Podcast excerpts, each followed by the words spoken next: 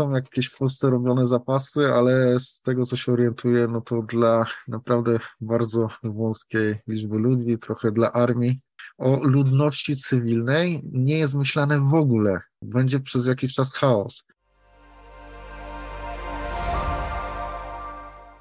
O tym, czy warto robić zapasy nie tylko na zimę i jak one powinny wyglądać, Dziki Preppers, twórca kanału YouTube, przedsiębiorca, właściciel marki Mr. Preppers. Zapraszam. Witam Cię bardzo serdecznie. Cześć, witaj.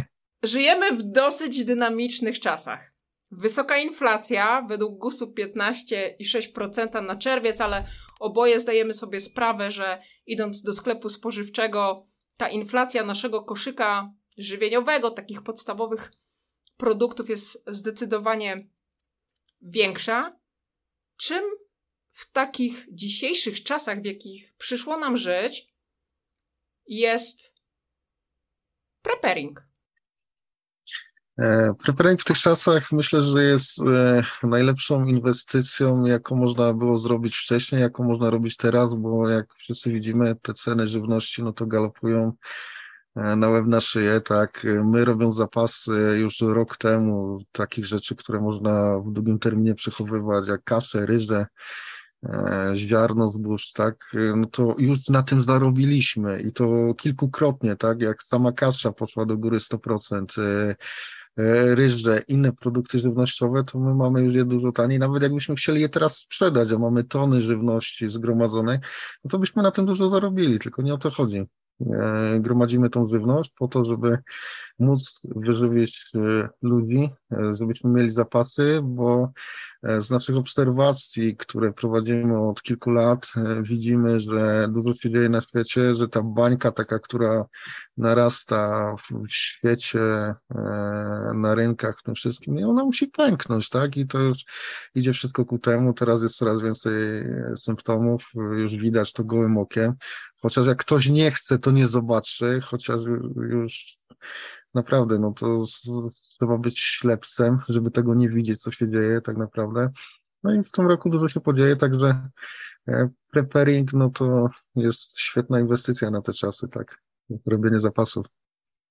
A czy możemy preparing potraktować jako, jako taki zwyczajny powrót do tradycji? Przecież nasze babcie robiły weki, przetwory, zapasy, zawsze miały jakieś tak. pieniądze w gotówce. Nie była to era wiesz, kart bankomatowych, czy to też jest fajne podejście i dobry sposób, żeby po prostu mieć zapasy. Kiedy nie możesz wyjść do sklepu, kiedy, nie wiem, coś się stanie po prostu, żeby sięg sięgnąć po gotowe produkty spożywcze. No tak, zobacz, e, wielu ludzi w Polsce, e, takiej trochę może starszej daty głównie, e, jest prepersami, chociaż nawet o tym nie wiedzą, tak, bo to pojęcie bycie prepersem, no to dosyć niedawno dopiero zostało wysnute. E, a przecież ludzie, nasze babcie, prababcie, tak, dziadkowie robili zapasy właśnie weki na zimę, słoiki, ziemniaki zawsze jakieś w piwnicy trzymali, to było dla nich normalne, tak. Teraz ludzie zostali przyzwyczajeni do tego, że e, jest wszystko w sklepach, chodzą po parę plasterków wędliny kupować sobie na kanapki, nie robią żadnych zapasów, no bo wszystko jest ale e, w momencie, kiedy ten łańcuch dostaw zostanie przerwany, a zostanie jeszcze w tym roku, no to tym ludziom, którzy nie zrobili tych zapasów, to zrobi się problem, bo to zaczną się kolejki, zacznie się mega inflacja, e, gdzie będą musieli za te produkty e, płacić dużo, dużo więcej. Z wielu będą musieli zrezygnować, bo już nie będzie ich stać po prostu, tak? Także to jest dobry zwyczaj naszych dziadków, E, który no teraz po prostu został nazwany tak preparingiem, a to powinno się robić zawsze, mieć jakiś zapasik w domu żywności, bo to wiecie, no, no mieć e, coś takiego to nie jest nic głupiego, zwariowanego, a w razie jak e, coś się podzieje na świecie, no to lepiej mieć jak nie mieć, tak? I nie musieć właśnie dzieciom swoim tłumaczyć, że no słuchajcie, no nie udało mi się w sklepie kupić tego czy tego, tak, no bo nie było, bo ceny za wysokie, jakby ktoś wcześniej pomyślał, no tak jak my to robimy, no to nie będzie miał tego problemu. Każdym bądź razie warto powiedzieć, że to nie jest w żaden sposób odstępstwo od normy, no jeśli właśnie. ktoś robi ogórki kiszone, no, no. tudzież kapustę kiszoną na zimę no. w większej ilości może niż zazwyczaj. Tak, ludzie zrobili się wygodnicy po prostu i lecą po górki do sklepu, no bo nie opłacało im się robić, bo po co, jak można iść do sklepu i kupić, tak? My tych ogórków to mamy na beczki, tak, na, no inaczej do tego podchodzimy, tak? Kupujemy parę ton, przerabiamy w beczki i stoi. Jeszcze z zeszłego roku nam zostało ileś tam beczek, tak? Także no, no i... A nie masz, nie masz wrażenia, że przez wiele lat też była taka zwyczajnie narracja w mediach, żeby nie kupować za dużo i nie kupować, żeby tego jedzenia nie marnować, że lepiej kupić mniej, a częściej i jeść świeże. I być może to też w pewien sposób przyzwyczaiło ludzi do tego, że idą właśnie po te przysłowiowe kilka plastrów szynki, a nie kupują więcej, nie wiem, mięsa czy, czy produktów z długą datą przydatności.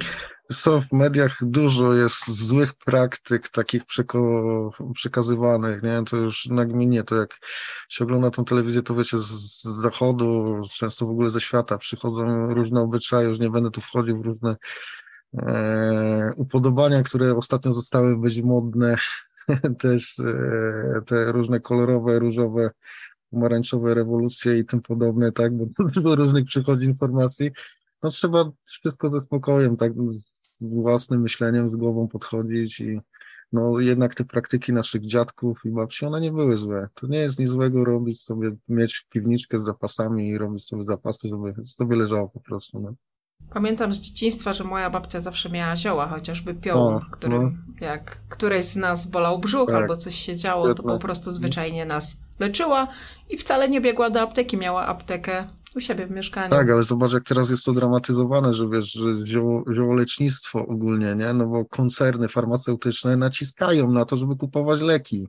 Bo przecież to jest ich biznes, tak? A jak głębiej się zagłębimy w to wszystko, no to e, one mają macki też w telewizjach wielu, są właścicielami, bo e, to nie jest żadna teoria spiskowa ani nic, ale e, wszystkie te instytucje, telewizje, radia, koncerny farmaceutyczne podlega po taką firmę, nie wiem, czy kojarzysz, jak BlackRock.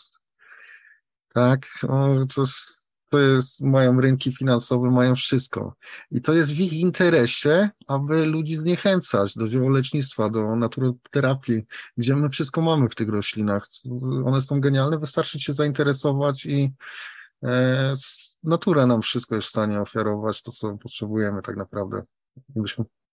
Takim kontrowersyjnym ziołem, chociażby dla Unii Europejskiej, z tego co pamiętam, był wrotycz, tak. który również został tak zakazany, czy były problemy z jego użytkowaniem legalnie, a roślina, która ma doskonałe właściwości. A dlaczego? Dlatego, żeby mniej zarabiali na lekach, tak? To jest, to jest dużo takich roślin, nie? Tak samo konopie chociażby przecież, nie? Mają mas... Polska kiedyś stała konopiami. Oczywiście, że tak. No Polska była liderem światowym w produkcji konopi. Przecież do tej pory mamy e, kilka starych uniwersytetów, gdzie jeszcze tam jakieś działy pozostawiały. W Łodzi chyba jest taki jeden, e, gdzie my byliśmy specjalistami na świat, tak, bo przy konopi oprócz tego, że można e, robić masę e, olejków, masę takich zdrowotnych rzeczy dla człowieka, to jeszcze liny, materiały na statki, na żagle, masę, masę, wiecie, budownictwo jest konopi, nie? I te zakazali. Dlaczego? No, za dobre było, po co ludzie mieli się leczyć, jak można leki sprzedawać. A farmacja, no to jej zależy na tym, żeby nie leczyć, tylko hodować niewolnika, który będzie kupował te leki cały czas, tak? Zgadzam się. Jeśli nie oglądasz mnie na YouTube i wolisz słuchać wszystkiego w formie podcastu, zapraszam Cię na Spotify, Google Podcasts i Apple Podcasts. Tam znajdziesz cały kontent w formie audio. Wracając do żywności. Jak robić mądrze jej zapasy? Nie mieszkamy w domu, mieszkamy w mieście, w mieszkaniu, mamy ograniczoną przestrzeń. Jak to mądrze zaplanować? Może jakaś lista topowych produktów, które warto by było mieć w mieszkaniu? Co to wszystko jest uzależnione od e, naszych zasobów finansowych, tak? Bo wiadomo, że e, no, fajnie by było mieć konserwy, dobre konserwy, bo nie wszystkie się nadają do długiego przechowywania. My produkujemy konserwy i mamy no, to już od kilku lat na rynku mamy najlepsze konserwy w Polsce, a dlatego, że e, tam samą puszkę, którą dajemy, e, to ona kosztuje więcej, wyobraź sobie, niż e, najtańsza konserwa w sklepie, nie? Jak są na przykład te najtańsze takie były kiedyś, jakiś czas temu widziałem, nie wiem teraz, bo te ceny tak skaczą, nie? 2,30 widziałem konserwę. A ja za puszkę w fabryce z Niemiec, którą ściągam, tak, płacę złoty 90 za samą puszkę, tak?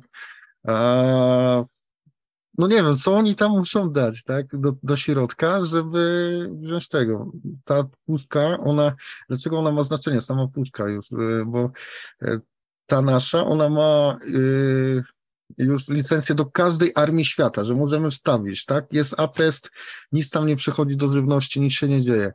E, jest 3 lata terminu przydatności, a w takiej zwykłej puszce, no to już y, po roku dostają się do zawartości jej szkodliwe substancje, tak? Także no trzeba robić to z głową i wedle swojego portfela, tak?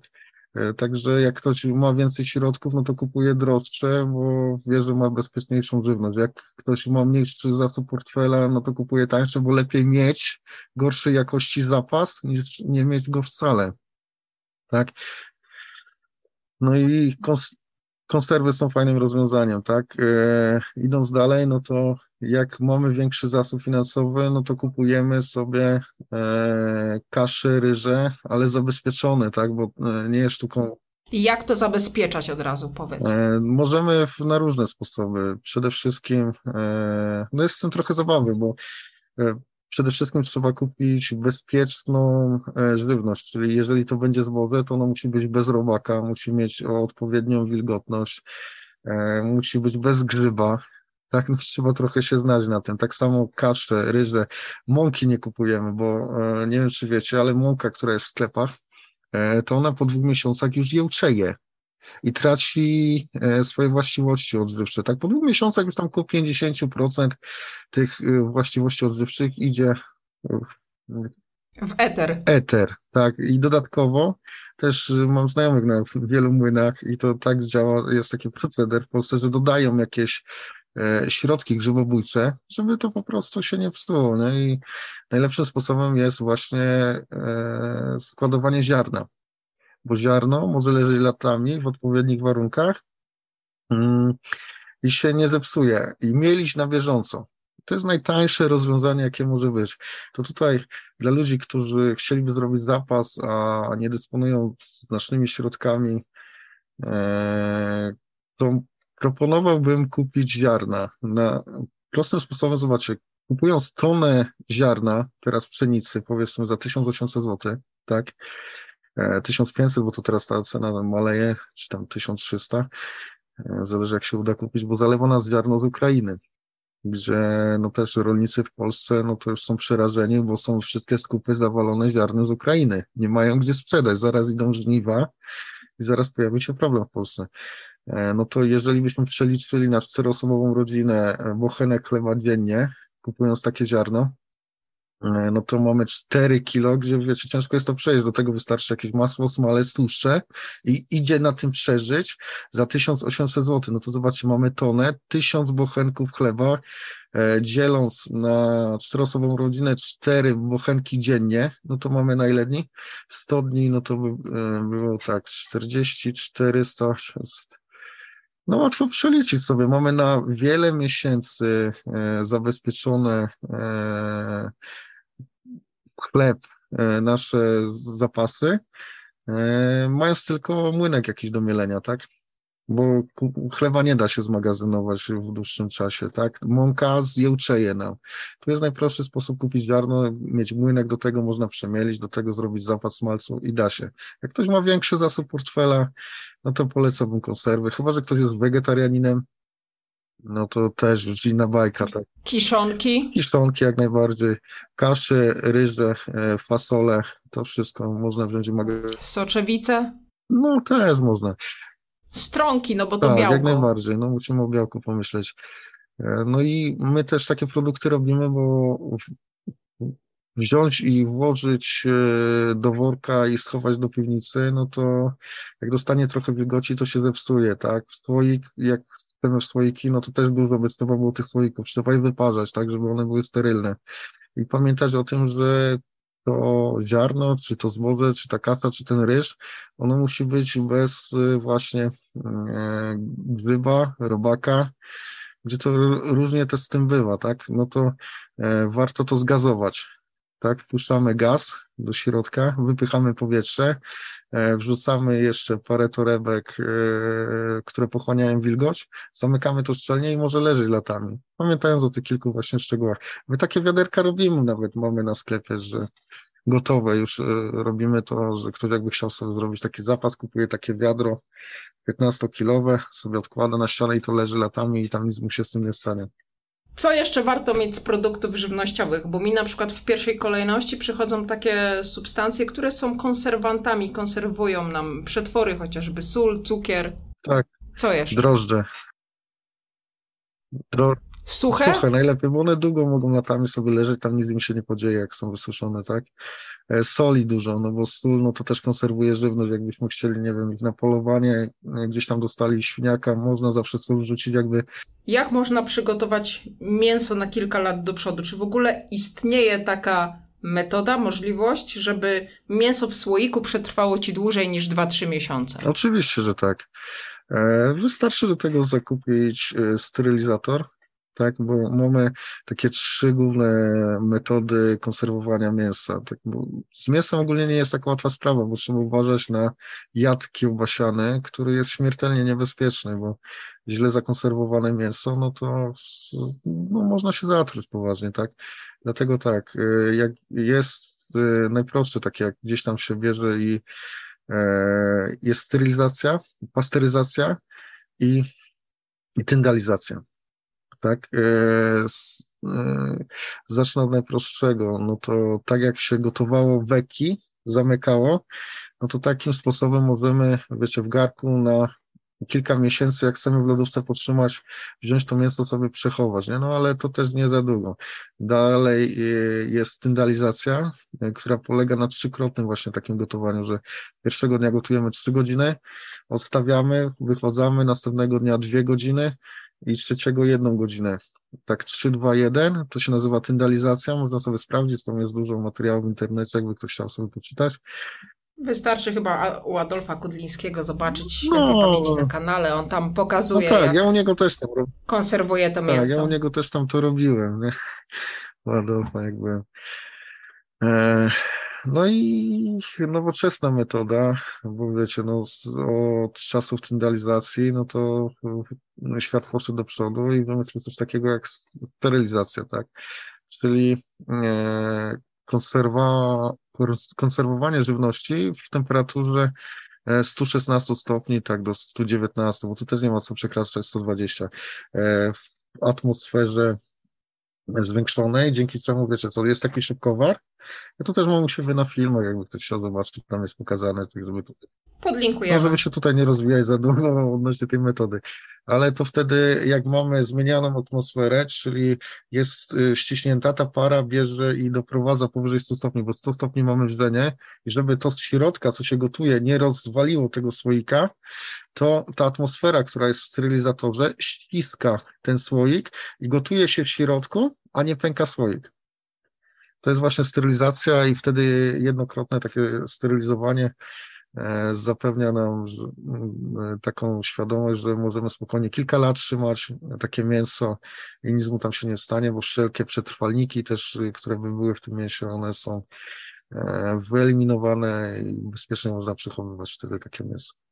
Zaleta takiej metody to przede wszystkim chyba większa przepustowość, bo jesteś w stanie więcej tak, wyprodukować sobie takich zapasów w krótszym tak, czasie. Tak, tylko tu minusem jest, te urządzenia są dosyć drogie, bo one kilka tysięcy złotych e, kosztują, także no, trzeba było się zaopatrzyć, myśląc właśnie w, e, o robieniu większych zapasów. Można też e, w kilkoro, w kilkoro ludzi o tym pomyśleć, jak jest dwie rodziny, czy jak się zwrócą i razu jednego, razu drugiego, trzeciego, no też gdzie to zrobić. Tak, i wtedy każdy jest zadowolony, bo każdy ma swoje zapasy i też szybciej to idzie, Dokładnie. a koszt jest podzielony. No. Mamy produkty żywnościowe, powiedz mi proszę, co z wodą? Czy warto mieć zapas wody? Oczywiście, że tak. Woda to jest podstawa jak e, zabraknie e, prądu na chwilę, no to wyobraźcie sobie, że e, mieszkając w bloku, nagle nie ma czym spuścić wody w toalecie. tak, robi się ludziom problem. Wszystkie przecież pompy działają na prąd i doprowadzają tą wodę do kranu, tak? To nie jest, że to się bierze, wiecie, jakoś, nie wiem, że to spada gdzieś z góry i ciśnienie. Nie, to wszystko jest pompami pompowane, które pracują na prąd. Agregaty, które są awaryjne, są dieslowskie i one też mają tam na dobę, dwie, zależy w jakim mieście, e, jedynie możliwości e, wygenerowania tego prądu, który służy do tych pomp. A jakby zabrakło na dłużej, na parę dni, no to robi się ludziom problem, a bez wody, a wiadomo, że woda to jest podstawa do wszystkiego, tak, do mycia, do jedzenia, do picia. E, więc zapas żywności powinien się opierać w pierwszej kolejności o zapas wody. Jeśli nie mamy jej zmagazynowanej wystarczająco, jak możemy pozyskać wodę i jak możemy ją uzdatnić do picia? E, jest wiele sposobów, tak? E, pozyskiwać. Podstawowe. Najprostsze, no to kupić sobie filtr do wody który jest w stanie uzdatnić e, wodę nawet z kałuży, nawet z rzeki, stawu, taką, którą kaczki gdzieś tam sobie w mieście pływają, bierzemy, idziemy sobie z takimi bańkami pięciolitrowymi, do stawu nabieramy wody, przynosimy do domu, bierzemy taki filtr, on tam za e, bierze i usuwa 99, tam 9 nawet procent nieczystości wszystkich i taka woda jest w 100% zdatna do picia. Można ją jeszcze dla pewności przygotować, jakby ktoś jeszcze chciał bardziej i wtedy może taką wodę pić. Bez tego, no to zostaje nam samo gotowanie, ale już ono nie usunie e, związków chemicznych, tak, bo te wszystkie biologiczne skażenia, które są, no to ok, po gotowaniu, ale już te chemiczne, jak jakieś nawozy schodzą, tak, i tym podobne rzeczy, no to gotowanie nam tego nie usunie.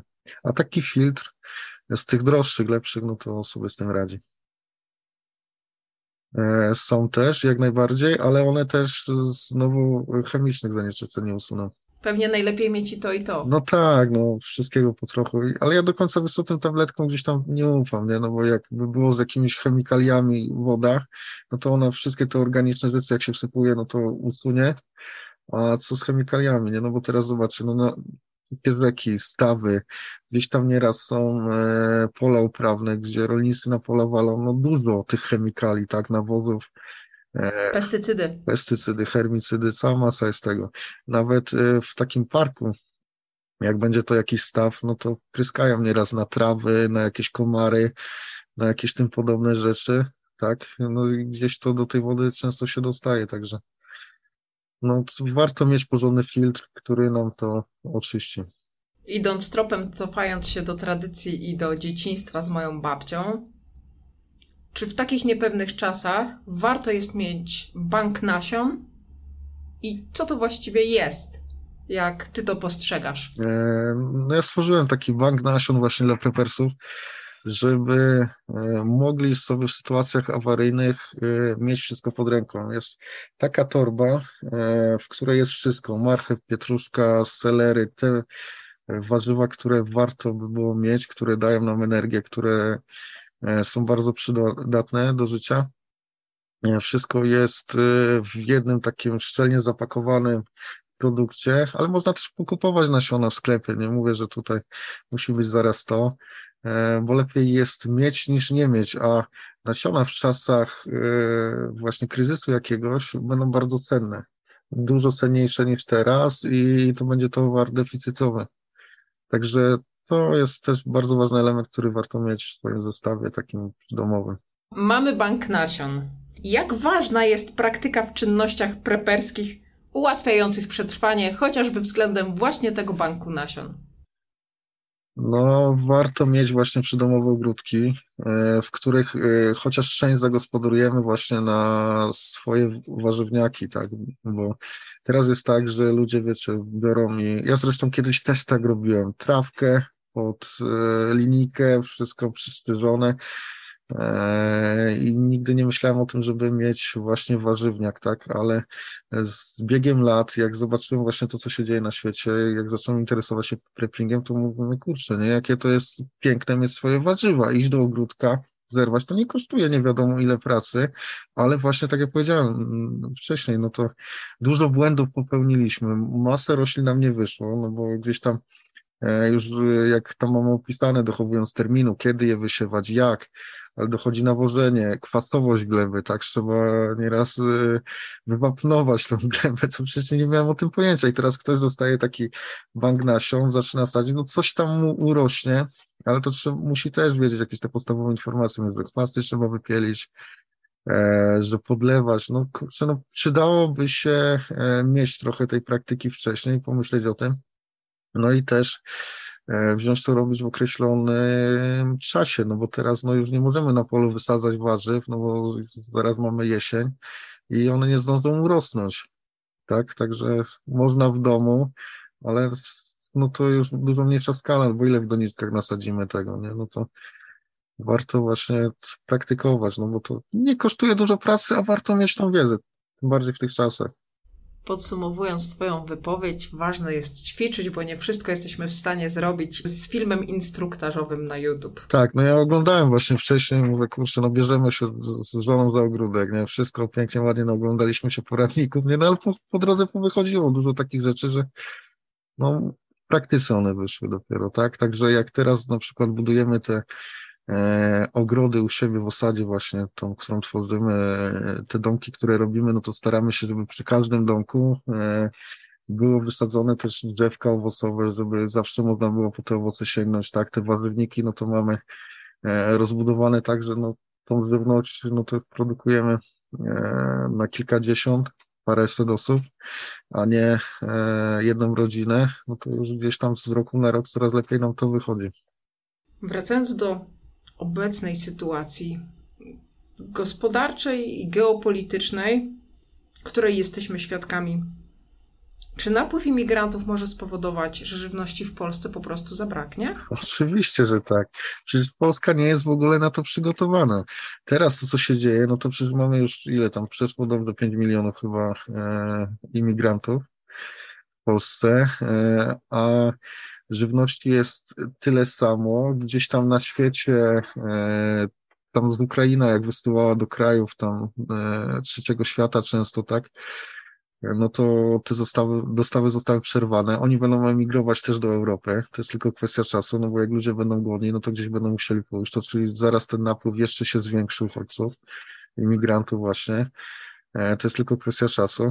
E, ceny galopują, będzie jeszcze większe zapotrzebowanie, jeszcze większy popyt na tą żywność, a zostają przerwane łańcuchy dostaw. Rolnictwo całe przecież leży w Polsce, w Unii Europejskiej, są niszczone wielkopowierzchniowe gospodarstwa, wybijane stada zwierząt. Tak? To, to, co się dzieje, polityka w ogóle Unii Europejskiej e, była do tej pory tak skonstruowana, że ludziom opłacało się nic nie sadzić, mieć pole, kosić trawę i brać dotacje tak? Albo zasadzić jakieś e, drzewka, lasy, brać dotacje i nic nie robić. Także nawet ta żywność, która była uprawiana do tej pory na wsiach przez wiele, wiele lat, to gdzieś to zaczęło zanikać. My tu mamy wieś, a kurczę, dużo ludzi y, nie sadzi warzyw, tak? Mają jakieś e, łąki często, e, koszą siano lub koszą tylko po to, żeby brać dotacje, bo to jest różnie i no z tą żywnością naprawdę będzie problem. Nie? My to widzimy też e, po sobie, po ludziach, którzy nas otaczają, bo to wszystko mamy tutaj na bieżąco, analizujemy te dane, jakie są, jest tego cała masa, to w tym roku dużo się podzieje.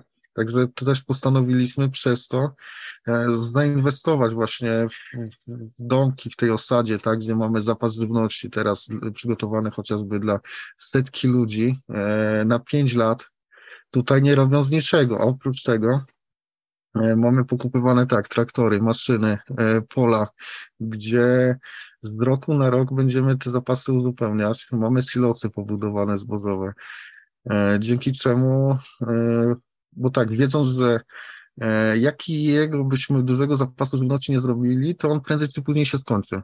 Tak, no to musimy te zapasy uzupełniać. Teraz mamy tutaj parędziesięcioro ludzi. Też zadeklarowanych mamy E, około 50 osób, dodatkowo tych, co kupiło domki w osadzie właśnie jako zabezpieczenie dla swoich rodzin. Oni tu przyjadą na razie, e, żyją, pracują w swoich firmach e, w świecie, ale jak coś się podzieje, no to mają tutaj takie miejsce awaryjne, gdzie kupili sobie domek, mają zabezpieczoną żywność i jak coś się podzieje, wiedzą, że mogą tu przyjechać. Teraz nawet jak one się budują, te domki, to e, mamy te kontenery takie mieszkalne jak na budowach są pokupywane, że w razie jakby chcieli zjechać, w każdej chwili mogą, mają gdzie mieszkać, mają wyżywienie, e, więc no, nie widzieliśmy lepszego pomysłu na obecne czasy, jak będzie chaos, a będzie, bo to będzie grubo jeszcze w tym roku, na jesieni, tak? Dużo nakłada się teraz takich rzeczy, gdzie globalnie e, te łańcuchy zostają pozrywane, dużo więcej napięć jest na świecie, tak?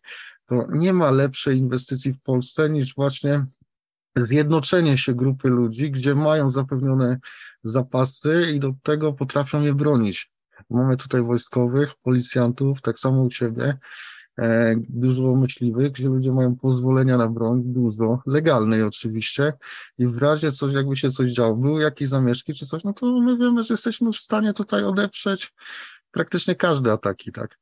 Poruszyliśmy temat imigrantów i tego, że napływ dużej ilości ludzi może spowodować braki zaopatrzenia, braki żywności. Czy w Polsce funkcjonuje coś takiego jak banki żywności, które w takiej niepewnej sytuacji mogłyby zabezpieczyć społeczeństwo, czy pomóc chociaż przetrwać ciężki okres? A coś ty. Nie ma nic takiego. Nie, nie ma Gdzieś takiej tam... instytucji w naszym kraju. Nie ma. Gdzieś tam jest kilka bunkrów rządowych takich, gdzie mają zapasy. Nie chcę wchodzić w szczegóły, bo stawałem do przetargu w ogóle państwowego, żeby konserwy tam dostarczać do nich, nie?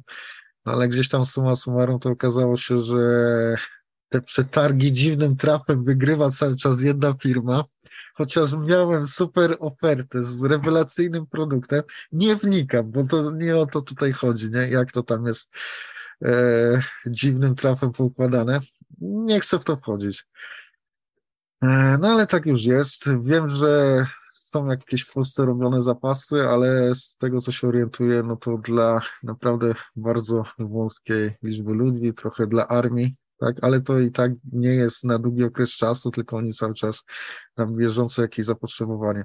O ludności cywilnej nie jest myślane w ogóle. Nie ma czegoś takiego. E, bunkry nawet w Polsce przecież mamy jeszcze za komuny, które są nieodświeżane. A wyobraźcie sobie, że na przykład e, w tej chwili w Niemczech e, wszystkie mają pod, poodświeżane, zapasy żywności, powymieniane, gdzieś tam ponaprawiane uszczelnienia. To też jest dziwne, że Niemcy inwestują kupę kasy w taką infrastrukturę. No, no, a w Polsce nic, nie? Każdy ma to w dupie, nie? Za przeproszeniem. No, ale to właśnie dlatego, że mamy polskojęzyczny rząd, nie? Tak zwany nierząd. I dlatego tak jest, po co oni mają się ludźmi przejmować. Jak my sami się nie zatroszczymy o siebie, no to nie liczyłbym na rząd na pewno, nie? Rozmawialiśmy o produktach żywnościowych, o wodzie, a odwracając się i patrząc na karty historii, czy w takim czasie nie okazuje się nagle, że waluta staje się tylko papierem i warto mieć coś na wymianę. Alkohol, papierosy, jak uważasz? Oczywiście, że tak.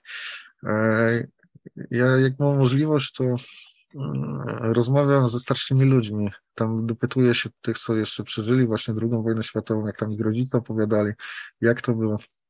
I często przewalają się takie historie, że ludzie mieszkający na wsiach, e, przychodzili do nich ludzie z miast i oddawali, e, wyobraź sobie, złoto, naszyjniki, pierścionki, to co mieli za żywność, tak, za chleb, za podstawowe produkty, bo głodowali po prostu w miastach, dlatego gdzieś tam na wsi tego poszukiwali.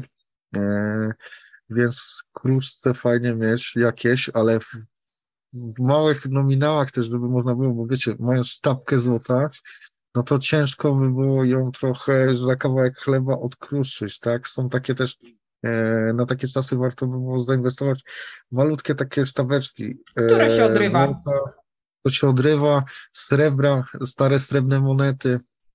To jest e, świetna inwestycja na trudne czasy, bo to nie straci na wartości, a e, tylko może zyskać. Dodatkowo no warto mieć te zapasy, no bo jak e, sąsiad, sąsiadka, ktoś z rodziny e, przyjedzie czy coś, no to też jak mamy taki zapas, możemy zawsze z nimi się podzielić, tak? Zawsze ten zapas żywności możemy wymienić, ewentualnie za takie złoto, jakby ktoś nie miał, no bo E, łatwo sobie jest wyobrazić rodzica z dzieckiem na ręku, który umiera mu z głodu. Nie, do czego jest zdolny taki człowiek? Do czego mógłby być zdolny? Do wszystkiego. No właśnie, nie? No to w takich czasach, to już abstrahując tak, że miejmy nadzieję, że aż tak źle nie będzie, chociaż jakby doszło do konfliktu zbrojnego, gdzie jest taka możliwość, bo świat się zbroi na potęgę, Niemcy dziennie wydają, tam już nie pamiętam, ileś miliardów na zbrojenia, takie e, horrendalne sumy wręcz, no to przecież tak jak mi opowiadał taki analityk zaprzyjaźniony wojskowy, mówi, dziki, to nie są szwaczki wojskowi, to żołnierze to są szkoleni do zabijania, ich trzeba ubrać, ich trzeba nakarmić, ich trzeba skoszarować, im trzeba dać sprzęt, to są olbrzymie wydatki. Takie e, duże zbrojenia to się robi po coś. To nie robi się dlatego, żeby oni tam siedzieli w tych koszarach i dziergali na drutach. Ja to już śmiał się, nie? Mówi, no to mówi na logikę, weź na chłopskie rozumowanie, nie? I dużo się dzieje właśnie na świecie, e, także no to się rozlewa już na świat. Przecież e, Ukraina e, w 80% była dostarczycielem oleju na Unię Europejską, oleju słonecznikowego i rzepakowego. Nie? Teraz gdzieś te łańcuchy dostaw zostały przerwane, to zaraz tego zabraknie na rynku, no bo 80% to jest ciężko wziąć i nadrobić. Około 30% e, zbóż dostarcza Rosja, Białoruś i Ukraina też na świat, gdzie też to na Europę już nie idzie, bo przecież embarga są powprowadzane różne, nie wysyłają, a e, ludzi do wykarmienia mamy coraz więcej. Dużo jest takich przesłanek, że na Ukrainie są palone e, pola uprawne, e, silosy rozkradane, wywożone w głąb Rosji, tak, to, to już są takie masa z tych informacji. Mało tego, jest masę pól zaminowanych, na których rolnicy biorą i chcą uprawiać ziemi. Tam masę ludzi powybuchało, tych rolników jeżdżąc traktorami, poginęło. Nie będzie masę żywności, które było do tej pory na rynku, tak? A jest jeszcze druga strona tego medalu, bo ja osobiście uważam, że to wszystko i tak jest ustawione, bo jakimś dziwnym trafem Bill Gates zainwestował miliardy w sztuczną żywność i dziwnym trafem, akurat jak zaczęłoby jej brakować na świecie, no to wyskakują z takim produktem, zbije kolejną fortunę. Tak, no to, to się dziwnie składa właśnie w pewną całość, wystarczy połączyć kropki i to staje się wszystko jasne, nie? Ja już kilka lat temu przewidziałem te wydarzenia, które e, teraz się dzieją, jak mówiłem e, z pół roku temu, rok temu, że na Ukrainie będzie ta wojna, no to się ze mnie śmiano, że to jest takie straszenie, że to jest takie gadane, nie? Ale jak mam przyjaciół, analityków wojskowych, to badają geopolitykę, tak? My się spotykamy, rozmawiamy, tu mam specjalistów przecież u Ciebie, to wystarczy z prostej analizy e, wziąć i dostrzec i połączyć te kropki. I dlatego się przygotowujemy, dlatego budujemy osadę, e, silną grupę ludzi, gdzie jesteśmy w stanie właśnie, jak będą zamieszki w Polsce, jak będą braki w dostawach tych żywności, będzie przez jakiś czas chaos, może zabraknąć prądu, bo jak zakręci kurek, a już ponoć zakręcić, ma zakręcić Rosja e, kurek e, gazu, a przecież masę osiedli teraz e, w Polsce poprzerabiali na ogrzewanie gazowe, ludzie nie będą mieli jak się w tych blokach ogrzać, to będą mieli problem, nie? I to nie małe. Może to jest dobre pytanie, które powinnam Ci zadać. Jak przetrwać bez prądu i bez gazu? Przyjechać do nas do osady. A jeśli ktoś nie ma takiej możliwości? E, no to zabezpieczyć się, zrobić zapas, tak, alternatywne e, źródła ogrzewania. E, w bloku wiadomo jest już dużo trudniej, nie? Jak ktoś mieszka w kamienicy, ma piec, no to ma sytuację uratowaną, tak, jak ma opał. Jeszcze tego opału będzie musiał upilnować, bo to jak to jest gdzieś w komórce na zewnątrz, no to będzie to narażone na kradzieże, tak, bo to będzie towar bardzo mocno deficytowy, gdzie już te ceny skaczą, ludzie, wielu ludzi nie stać już teraz, żeby zakupić ten opał na zimę, no to będziesz trzeba tego upilnować. Nie dosyć mieć, to jeszcze upilnować. Łatwo przewidzieć, że będą chcieli kraść takie rzeczy, tak, jak węgiel właśnie i inne. W bloku jest już dużo większy problem. E, można wziąć i mieć takie piecyki, czy elektryczne, gazowe, ale to wszystko drogo kosztuje. Można mieć takie piecyki olejowe, ale to zrobić zapas oleju w bloku do takiego tego, no to też nie jest łatwa, łatwa sprawa.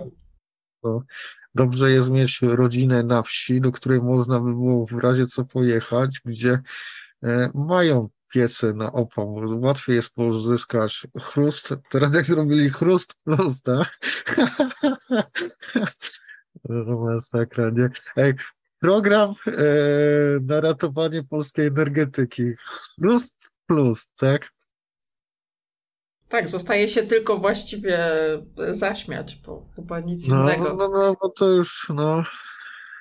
Wiesz, mam tak wrażenie tak czasem, że nic więcej mnie nie zaskoczy, natomiast okazuje się, że opary absurdu potrafią być jeszcze mocniejsze niż mnie się wydawało. Są na pewno przez jakiś czas będzie chaos w Polsce, w ogóle w Europie. Jest dużo takich informacji, że też ci imigranci, co wcześniej byli powpuszczani do Europy, nie? gdzieś tam oni tam, e, już nie chcę tu wnikać, bo to są grube szczegóły, że tam oni w pewnym momencie mogą gdzieś tam próbować się wziąć i na Europejczyków swoją jakąś tam nienawiść przelać, nie? gdzie to też analitycy różni mówią, tak, e, socjologowie, że to jest bardzo duże niebezpieczeństwo, tak, że w przypadku jakby zabrakło tego prądu, żywności, no to może być grubo w Europie, nie? Także wiesz, każdy, każdy z nas ma swoją granicę wytrzymałości, dopóki ma zapewnione podstawowe potrzeby. Natomiast wraz z upływem czasu nerwy są coraz bardziej napięte i komuś po prostu mogą zacząć puszczać. Tak, no co warto w takich ciężkich czasach mieć jeszcze w domu? Myślę tutaj o tym, że może nam się na przykład przytrafić jakieś zatrucie, chociażby gdyby ta woda, którą spożyjemy, nie będzie idealnie oczyszczona. Co warto mieć w domu jako apteczkę pierwszej pomocy? No to wiadomo, wszystkie takie podstawowe rzeczy jak bandaże, wody utlenione, to jakieś tam w przypadku otarć, skaleczej, no to żeby móc samodzielnie udzielić sobie tej pierwszej pomocy, tak? E, są takie fajne na rynku e, plastry, e, które są na rany i nie wymaga wtedy szycia rana otwarta, jak jest. To mm, też nie jest to takie popularne, ale jak jest otwarta rana, przykleja się z jednej, ściąga, nakleja i tak jakby szycie było zrobione. Warto to mieć w apteczce, tak? Jak ktoś jest na coś chory, no to zapas z wyprzedzeniem tych leków, tak? Na kilka miesięcy co najmniej. E, dalej, no to wszystkie te takie sprawy żołądkowe, na zatrucia, no to kto co tam może jakiś sobie zapasić zrobi, lepiej niech sobie to leży. Oby tego nie używać nigdzie, a, nigdy, ale lepiej, żeby sobie było, tak? Lepiej, żeby się przeterminowało, niż żeby zabrakło wtedy, kiedy będzie potrzebne. No właśnie, no. Też wiele rzeczy są przeterminowanych. E, jak są, no to one dalej są zdatne do użycia. Często a te terminy no to niekoniecznie musi tak być, że zaraz to jest zepsute, bo tam też wiele z takich e, podstawowych rzeczy. Jak to wygląda z datami ważności? Z tego, co kiedyś czytałam, zazwyczaj jest tak, że jest to określone ze względu na jakieś ustawy, zarządzenia, normy, natomiast duża część produktów jest przydatna do spożycia, nawet jeśli ta data ważności jest lekko przekroczona. Oczywiście, że tak. To wiele, nie chcę powiedzieć większość, bo to, to jest zbyt to szeroki zakres e, produktów żywnościowych, ale wiele tak jak najbardziej jest e, e, zdatnych do użycia, bo przecież sam jestem producentem, wstawiam na rynek, na markety wiele produktów żywnościowych i wiem, jak wygląda nadawanie daty, tak. Generalnie zasada jest taka, że ja z, pisząc datę na opakowaniu, biorę za ten produkt odpowiedzialność w tym okresie czasu. Że jakby tam komuś coś się stało, to, no to mam pełną odpowiedzialność w tym okresie czasu, tak? E, dalej, no to odstawia się prawnie, to tak jest, e, do sanepidu e, na przechowanie dany produkt. Oni tam właśnie w tym okresie czasu, czy to na rok, to na rok musi sobie odleżeć, jak na dwa, to na dwa musi sobie odleżeć, to nie jest wymóg, ale wtedy ja jestem bezpieczny. E, jakby komuś coś się podziało, to mam podkładkę, że ten właśnie produkt jest e, po warunkach przechowywalniczych w sanepidzie zatwierdzony, że tam wszystko jest ok, nie? Ale te daty też się nadaje po to, żeby rotacja była w sklepach często. Tak I w domach. I w domach, bo to e, człowiek widzi, o data mi wyszło, trzeba kupić nowe, nie? No i gdzieś tam no, się nakręca. Ja nie mówię, że tak robię, nie? ale gdzieś tak producenci różnych produktów robią. Jesteś przedsiębiorcą, więc znasz mechanizmy działania. Tak, tak. No, ale to wiecie, co metodą dedukcji. Wystarczy wziąć, otworzyć, zobaczyć, czy tam jest coś pozmienianego, czy coś nie tego, jak wyjdzie ta data ważności, nie? Wiadomo, no na jakichś serach, masłach, takich, no to nie ma co tam ryzykować, bo to tego.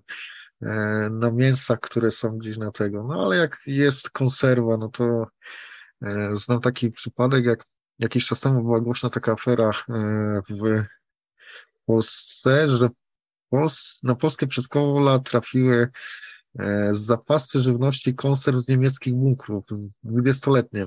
E, przebadali to. Ja się akurat zajmuję konserwami, no to e, jestem w temacie. Tożsamy produkt. No, no i, i co się okazało? Przebadali e, te konserwy i okazało się, że to mięso dwudziestoletnie z niemieckich bunkrów jest dużo lepsze niż to, które jest na rynku teraz.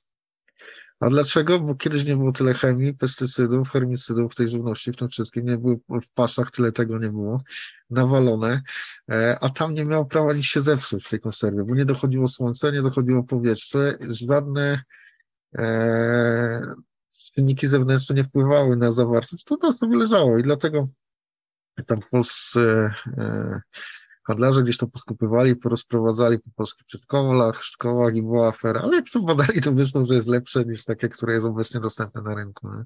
To poniekąd pokazuje, w jakich czasach żyjemy i jakiej jakości mamy żywność w dzisiejszych czasach. Tak, ona teraz w tych czasach to ona nie ma nawet połowy e, tych wartości odżywczych, które miała jeszcze kilka lat temu. Ja patrzyłem kiedyś takie badania, jak robili właśnie e, odnośnie żywności to teraz jest sztucznie na pola wwalony azot, tak, fosfor, wap, a kiedyś e, rolnictwo opierało się o naturalne e, nawozy w postaci tam obornika, e, też było bardziej powszechne ściółkowanie, czy no to właśnie naturalne nawozy, nie? A teraz sztucznie jest walone na pole w ilościach tam potrzebnych, no i skąd ta roślina ma czerpać, tak? Wszystko jest zbierane, nie jest na polu zostawiane. Jeszcze, no kiedyś rolnicy, no to wyrzucali obornik, y, mieli też y, przydomowe takie y, rośliny, które gdzieś tam wypielili chwasty, tak, przeleżane rok czasu na kompostowniku i to jest mm, najlepszy odżywczo dla rośliny, bo tam jest wszystko, tak, to co roślina potrzebuje, w innych roślinach to się przekompostowało, tam szedrowak, a teraz tego nie ma. Bo jest zwalony azot i rośnie, tak. Dlatego jest... Y, teraz po tych nawozach to nawet nie ma prawa być robaka. No, no, no, no. E, wyobraź sobie, że są sadownicy teraz e, muszą w roku wykonać nawet kilkanaście różnych zabiegów, oprysków, żeby mieć owoc, nie? Kilkanaście w roku. No to tam jest tyle wszystkiego i ja nie mówię, mamy wspaniałe polskie jabłka, tak, ekologiczne, gdzieś tam e, to rolnictwo, jak jest jeszcze takie właśnie robione w sposób ten naturalny, no to mamy świetne produkty, nie? No ale gdzieś to wszystko poszło w tą stronę, że rolnikom nie opłacało się robić właśnie w ten sposób, no bo ludzie sobie często myślą, że po co mają płacić za ekologiczne jabłka e, trzy razy tyle, co za normalne, bo tamte ładnie wygląda w markecie, nie? a to, że się świeci jak e, te, no, nie dlatego, że jest takie naturalne, tylko dlatego, że tam jest tyle naszpresowane wszystkiego. Nie? Kończąc naszą dzisiejszą rozmowę, nie wypuszczę Cię jako przedsiębiorcy bez pytania, które słyszy każdy mój gość.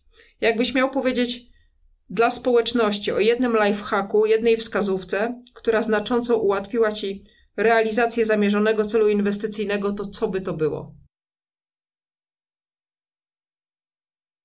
Co determinacja.